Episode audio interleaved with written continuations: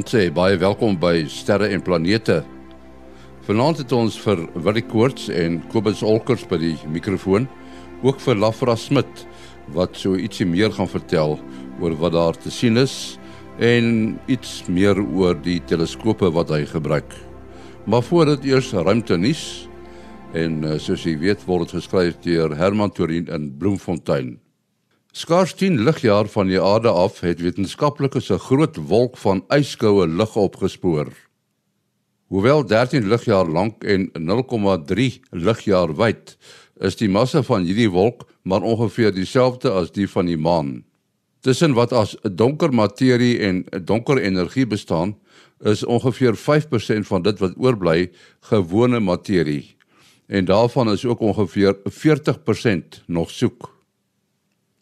Moontlike lewe op Mars het ongeveer 4 miljard jaar gelede ten einde geloop nadat Mars se kern gestol het, die magneetveld verdwyn het en die sonwind die atmosfeer weggewaai het.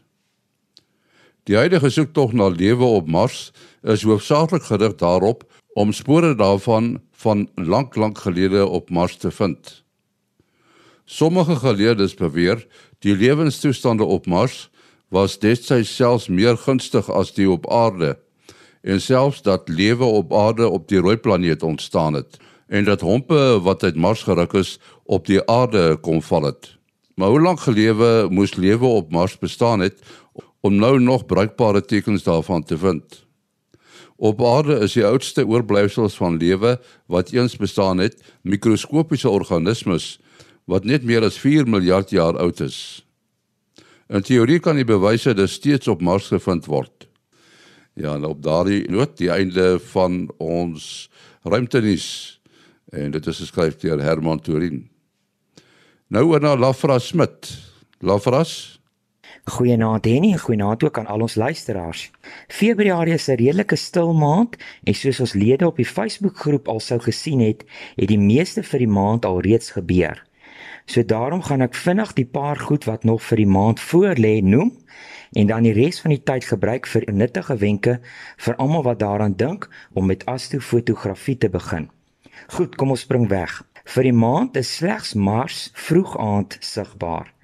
Jupiter en Saturnus kan weer gesien word in die ooste net voor sonop. Venus wat nou lank die oggendster was, verdwyn teen die einde van die maand in die gloed van die son en sal oor 'n paar weke weer in die aand net na sononder in die weste gesien kan word as die aandster.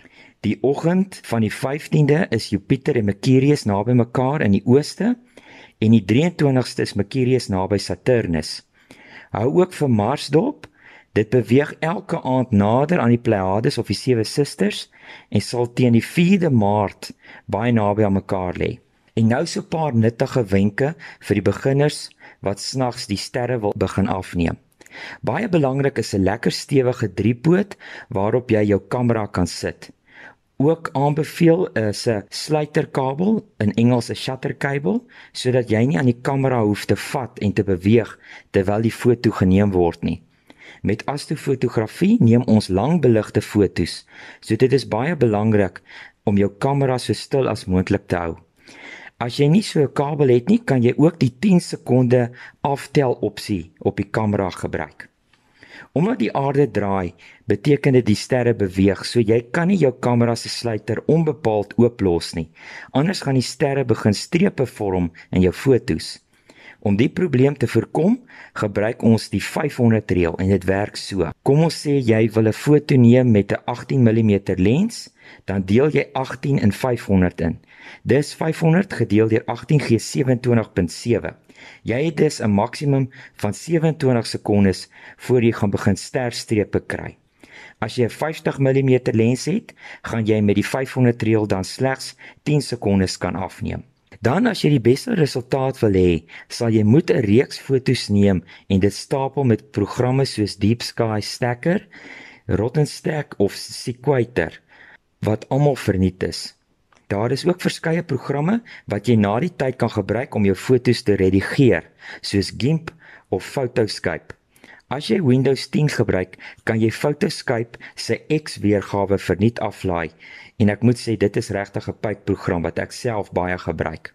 Al hierdie inligting sal ek ook op ons Facebookgroep sit en julle is ook welkom om my te e-pos by lafras.smit@gmail.com. Dit is lafras.smit@gmail.com. Nou ja, dit is my storie vir die maand. Tot 'n volgende keer, lekker opkyk en ook lekker foto's neem almal. Nou gewoonlik as Kobus uh, aan die orde is, dan uh, gee hy vir ons 'n uh, ruimte weervoorspelling. Kobus, jy's aan die woord. Hier kry ons nou weer 'n uh, interessante son vir ons vanaand en en die uh, interessantheid van hom is die baie groot uh, filament wat ons sien uh, op die suid suidweste kant van die son. Die probleem is dat daar is twee vreeslike groot magnetiese areas op die son. Een die die boonsteenetjie is uh sterk noordgerig en die ander een is sterk suidgerig. En dan het ons nou tussen hierdie twee het ons die filament wat ontstaan en ek moet sê op hierdie stadium as ek nou om kyk, dink ek is daar so 'n redelike kans dat hy dalk gaan wegskiet van die son af.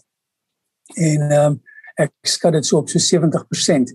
En ehm um, ons hy sal so teen Dinsdag se koers sal hy geo-effektief wees en ons sal nou maar sien as hy daar aankom of hy wegskiet of nie. Maar as mense hier teen Dinsdag se koers uh, uh elektrisiteit probleme het of uh, uh GPS of die versoos van probleme dan sal hulle weet dit is waar hy vandaan kom. Dan het ons 'n redelike groot korona gehad van die ewenaar van die son af reg hier tot by die suidpool van die son gaan en hy het uh, vandag geo effektief geraak. Ons sal teen môre sê uh sy vinnige sonwind begin ervaar en natuurlik die enigste mense wat regtig daardeur geraak gaan word is ons langafstand kortgolf uh kortgolf uh, kommunikeerders. Uh, hulle sal wel agterkom dat die dit lyk vir my sover asof hy redelik sterk negatief is. Met ander woorde, hy gaan die aarde se um, se magnetosfeer 'n bietjie swakker maak.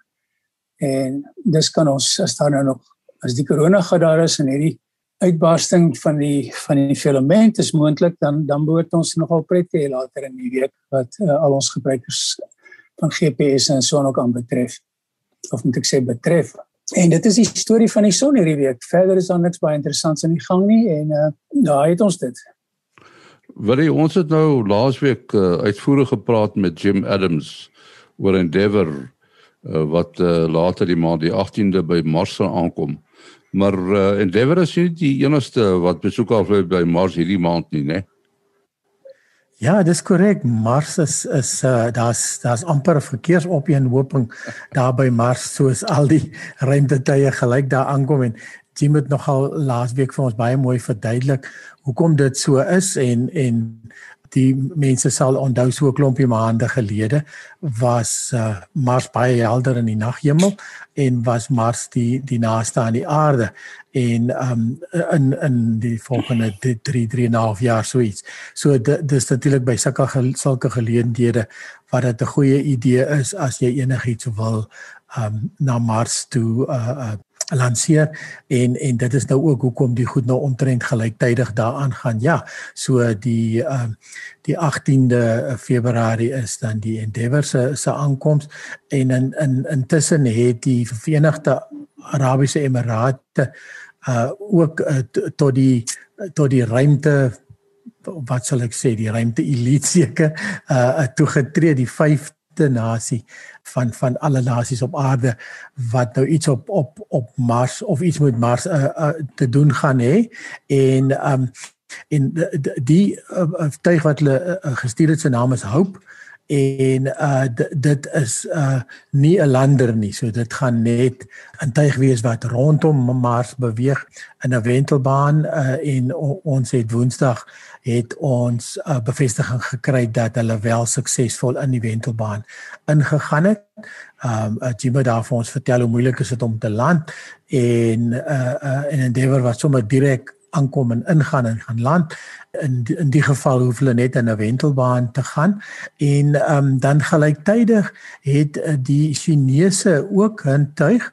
Uh, sy naam is Tianwen 1 en dit is dit is dis beide 'n uh 'n tuig wat in 'n wentelbaan gaan en dan later gaan hulle 'n lander afstuur of gaan hy land ek is nie so ek nie so presies op hoogte van van al die ehm um, van presies hoe die sending werk nie. Ja, so 'n uh, 'n uh, uh, klompie klompie goed wat so half gelyktydig tydig gebeur en uh, soos ek sê ja die Emirate is nou die vyfde nasie wat nou ook die uh, die, die Mars die Mars domein betree het en en ons weet dat Mars is eintlik 'n moeilike plek om om te gaan land en wat ook al iemand het 'n oulike kaart gestuur daar na ons uh, Facebook bladsy toe wat aandui dat dat daar was oor die oor die tye al 12 um pogings om te gaan land waarvan net 8 suksesvol was. Toevallig was al 8 wat suksesvol was was nog 'n NASA verband geweest en hulle het een tuig gehad wat geland het maar um wat baie kort daarna net op opgehou gesels het. Die russe het al 3 keer probeer uh die Engelse het probeer ESA het probeer die Europese ruimteagentskap hulle het al 2 keer probeer ensovoort. So ja so dit ons gaan weer uh, 'n 'n nuwe klompie inligting kry oor Mars. Um ek is nie presies seker van hoe die uh, instrumente verskil van die van die voriges nie. Ek weet hulle het spektrometers en hulle kan uh, die die samestellings van van allerlei goed bepaal. So dit sal interessant wees om te sien hoe dit uitspeel. En dan is daar mense wat dink dit is stil daarbo. So op 'n manier is dit nie stil nie. Daar gebeur baie dinge soos jy hoor. Ons het ook 'n brief gekry van Guy Robertson. Hy sê daar word gewoonlik deur party na die aarde se magnetiese noordpool verwys as synde ook aan die geaarde se geografiese noordekant. Dis daar bo by Alaska. En hy sê dit veroorsaak verwarring. Eintlik is daar streng gesproke egter 'n magnetiese suidpool aan die aarde se geografiese noordekant wat veroorsaak word deur die die solenoïde, dit is die spoeleffek van die aarde se draaiende gesmelte ingewande. En hy sê die noordpool van 'n kompasnaakie word gedefinieer as daardie kant wat in die rigting van 'n suidpool wys. Nou as die kompasnaald se noordekant dus meer na die aarde se geografiese noordekant wys, moet daar tog eintlik 'n magnetiese suidpool wees. So daar het jy dit uh, Kobus. Ja, het jy dit? Ja nee, hy is hy is totaal reg. Ehm uh, die aarde se magneetveld uh die tradisie is dat ons ons sê nou maar die bokant uh van hoe ons sit is noord die geografiese noord, maar binne in die aarde is daar egter 'n suidpool soos hy gesê het wat wat noordwys en 'n noordpool wat suidwys. En natuurlik verloop die uh, magneetlyne dan van die noordpool in die noordmagnetiese pool wat eintlik die suidpool is na die noordpool wat eintlik 'n magnetiese suidpool is. As enigiemand nou nie nog die, nie deurmekaar is nie dan 'n uh, eh, dan gee ek 'n 'n dollar prys aan aan wie dit ook al is. En en, en dan uh is daar 'n vraag van Jaap van Deventer van Betty's Bay. Hy sê hier in die laaste minute het 'n woordvoerder gesê dat die stroom in die kabel tussen die twee satelliete van positief na negatief vloei. Is dit reg so? Ja, dit is eintlik baie eenvoudig. Die positiewe pool is die ouetjie na wie die elektrone wil vloei. Aan die ander woord, hulle kom van die van die negatiewe pool af aan die uh uh wat nou eintlik die bron van die elektrone is. Want dit is eintlik al wat beweeg in die elektriese stroom is elektrone. So alhoewel die die uh, fisiese elektrone vloei van die van die negatiewe pool na die positiewe pool toe, is die konvensie om te sê dat die stroom vloei van van uh van positief na negatief. Dit het niks te doen met die fisiese eienskappe van wat het, wat aan die gang is binne in die die uh geleier wat die stroom nou vloei nie. Uh want as 'n mens dit nou nou logies sou sou probeer verstaan het, sou mens dan een of ander positiewe affære gehad het wat moes in in die in die geleier beweeg. Nou ja, die positiewe goed sit vas daar. Dis net die elektrone wat kan beweeg. So dat die beweging van die van die elektrone is van negatief na positief toe, dan word die negatief is uh dis die bron en kan die konvensie is uh dat alhoewel al die goed wat fisies loop ehm uh, van negatief na positief te loop word die stroom gedefinieer as as om te loop van van positief na negatief toe. En kyk nou het ons nog 'n klomp mense te mekaar gemaak. Hoe ons daarvan? ek is ek ek lag so vir Jaap hier so hy hy eindig sy brief hy sê ek is redelik bejaard en is al gewoond aan verrassings. Dit is nou asof asof die spul nou skielik omgedraai het. So dat ja, ja. Ja, want ek onthou ons uh, wetenskapsonderwyser uh meneer Koos Burger uh wat ek ook al gesê het hy's nog al 'n geleerde gereelde luisteraar na hierdie program is nou al 88 jaar oud en um het vir ons ook so dit so mooi verduidelik dat ek dink en ek dit is selfs dieselfde geval met met die magnete ook magnetpole um is dat dit gebeur het dat dat die konvensies het gekom voor die mense verstaan het wat fisies gebeur daarso. So met elektrisiteit het hulle altyd die stroom geteken van positief na negatief en toe later vind ons uit maar dit is eintlik elektrone wat vloei soos jy nou verduidelik het en en die elektrone vlo, uh, stroom vloei eintlik verkeerd om. So so eintlik eintlik uh, uh, en ons weet mos dat dat elektrone in in die in die in die gate inval in die hole soos hulle gesê het.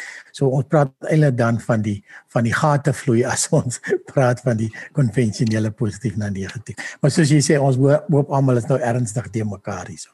uh, wil jy terwyl jy praat, uh, miskien net uh, wat is die verskil tussen 'n eksoplaneet en die planete om ons son? Uh ja, okay, so die eksoplanete draai natuurlik ook om ons son.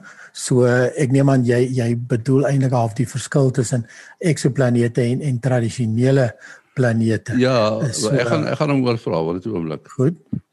Ja, onthou net die eksoplanete is die, is die planete wat om ander sterre Ja, dis eintlik ja, dit is eintlik wat ek bedoel, ja, net oomblik. Wat het terwyl jy aan die gang is, wat is die verskil tussen 'n uh, eksoplaneet en ons planete wat om ons son draai. Ja, dit is natuurlik die die die verskil is is die son, die die ster waarom dit draai. Ons son is dan natuurlik ook 'n tipiese ster en uh en ons het dan nou ehm um, uh hierso sewe tradisionele uh planete en en uh vyf uh uh dwergplanete en dan 'n klomp asteroïdes en allerlei goeters, maar omdat die goed redelik naby is, kan ons hulle waarneem en en ons kan hulle meet. Maar uh uh so vir die afgelope uh, wat sit nou al net naby 20 jaar het ons uh, nou die moontlikheid uh of jy het nog tegnologie so ontwikkel dat ons planete om ander sterre kon waarneem. En dan ons het al baie gepraat oor die verskillende metodes hoe ons dit sien.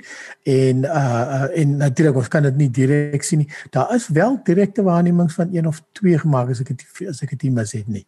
Maar dit is maar almal indirekte metodes en hoe dit nou gebeur het dat uh, Ja, en en dan noem ons hulle nou eksoplanete om hulle te onderskei uh van die planete in ons eie sonnestelsel. Ja, die manier hoe hulle hierdie eksoplanete opspoor, soos jy sê, is indirek, né? Die Doppler metode en dan is daar die oorgangsmetode. Dis korrek ja. Dis jou jou twee hoofmetodes. So die Doppler metode as jy die Doppler is natuurlik die Doppler effek wat uh dieselfde uh waarmee hulle jou jou vang verspoed uh ook ja, so radar maar daar's ook 'n sonar tipe uh beweging en ja, wel ek neem aan die die sonar tot 'n mate uh, waarmee jy binne die menslike liggaam goed kan kan sien wat beweeg ook nê. Nee. En ehm um, en dan is daar 'n 'n verskywing aan die aan die frekwensie wat jy insit klank of wat ook al uh, uh in die geval uh na die sterre kyk jy natuurlik na die lig en dan kyk jy hoe die lig uh se se Doppler verskywing, dit wil sê effens 'n kleur verandering, maar dit is nou nie iets wat jy met jou oog gaan waarneem nie. Jy het nou gesofistikeerde instrumentasie nodig. En wat beteken daar is dat die ster en die planeet wat om hom wentel uh, uh is natuurlik net die redelike ou grootes wat hulle op hierdie manier uh kon sien veral in die begin en um die middelpunt van die swaartekrag middelpunt tussen die die uh, die twee roterende kom ons sê maar as net twee dat baie gevalle is daar meer uh uh liggame wat om uh, mekaar wentel is nie in in die middelpunt van die ster nie. So dit wil sê die ster word eintlik so 'n bietjie rondgeruk soos wat die rondgetrek dan nou eintlik is daar nie 'n rukbeweging nie. Uh, uh, uh, soos wat die planeet rondom die ster beweeg. En dan die sterlig is dan die enigste wat jy kan sien. Die planeet self kan jy nie sien nie want dit straal nie eie eie lig uit nie veral op die afstand. En dan en dan kan jy daai verskywing meet. Nou die oorgangsmetode is natuurlik as die planeet uh, se baan homself uh, so bevind dat uh, hy oor die gesig van die ster beweeg, dan gaan jy baie klein bietjie van die sterlig afsny wanneer die planeet voor jou in die ster inbeweeg, soos 'n soos 'n mini verduisteringkie eintlik, maar ons praat hier van baie baie klein persentasies en dan deur dit te meet uh, kan jy dan sien dat daar moet iets tussen jou en die en en die ster wees. En dan het natuurlik 'n seker noem maar amper 'n handtekening wat die wat die lig op 'n sekere manier verdof en weer en weer ophelder en en dit is dan die die bewys dat daar 'n planeet is. Alle oorgang uh, observasies uh, uh probeer hulle dan ook later bevestig of eers bevestig met met die Doppler verskuif metode. Uh so dit is ja as jy die twee hoofmetodes wat hulle eksoplanete en ek dink waar trek ons nou hier by die 3000 ja. Bevestig ja. 2000 ehm um, so dit is eintlik ongelooflik hoe hoe algemeen dit deesdae geraak het om om planete rondom ander sterre te kan waarneem. Uh Kobus ons het 'n uh, briefie ook hier van Willem Leroux wat hy sê my vraag is wat word van al die energie wat die triljoene sonne uitstraal. Mamma, voor jy dit beantwoord, jy wou iets gesê het oor 'n vorige program wat jy 'n korreksie wil maak.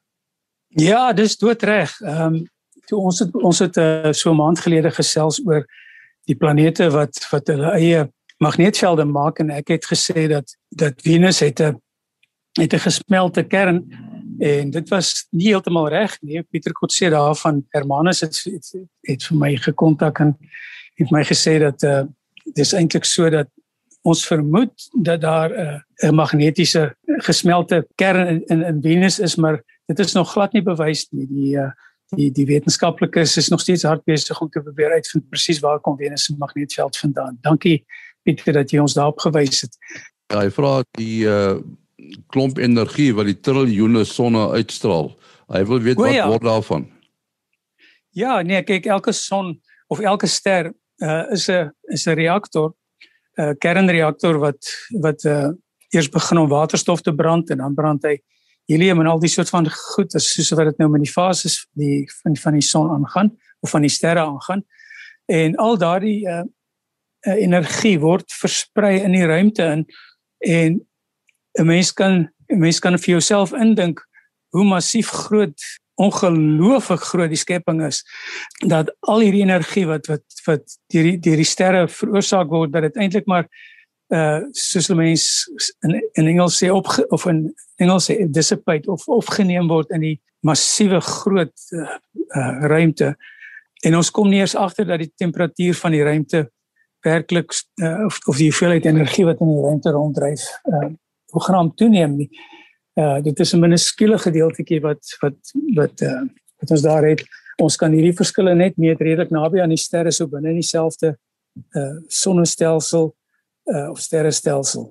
Die son wat nou sy energie uitstraal in in beide lig of of elektromagnetiese energie.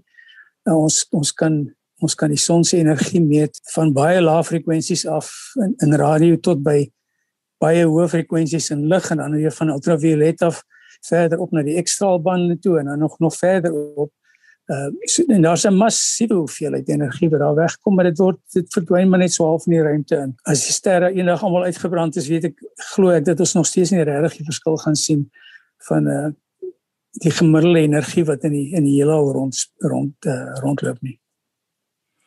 Hier is 'n interessante vraag vir die uh oor die ouderdom van die aarde dit is mos nou bekend dat daar gereken word dat die uh, uitspansel 13,77 biljoen jaar oud is. Maar uh, ons planeet is waarskynlik uh, iets wat jonger, né?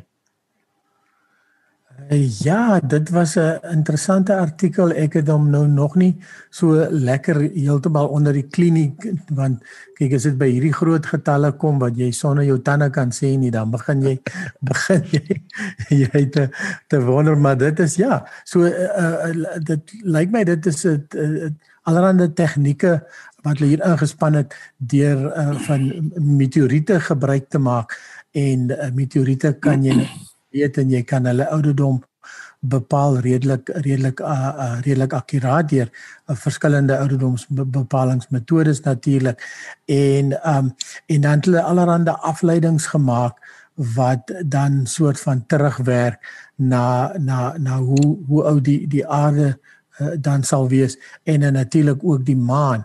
Uh want die aarde en die maan daar's verskillende teorieë hoe hoe hoe die twee ontstaan het. En aangesien die die die maan se samestelling baie dieselfde as die mantel van die aarde is is daar 'n uh, teorie wat wat uh, dit uh, lyk like asof asof die maan ontstaan het eintlik uit 'n uit 'n botsing van uh, met iets met die aarde wat dan 'n groot stuk van die protoaarde natuurlik nog op daai stadium soort van afgeskeur het en en dit het uiteindelik weer saamgekom om die om die maan te te veroorsaak uh, om om te vorm.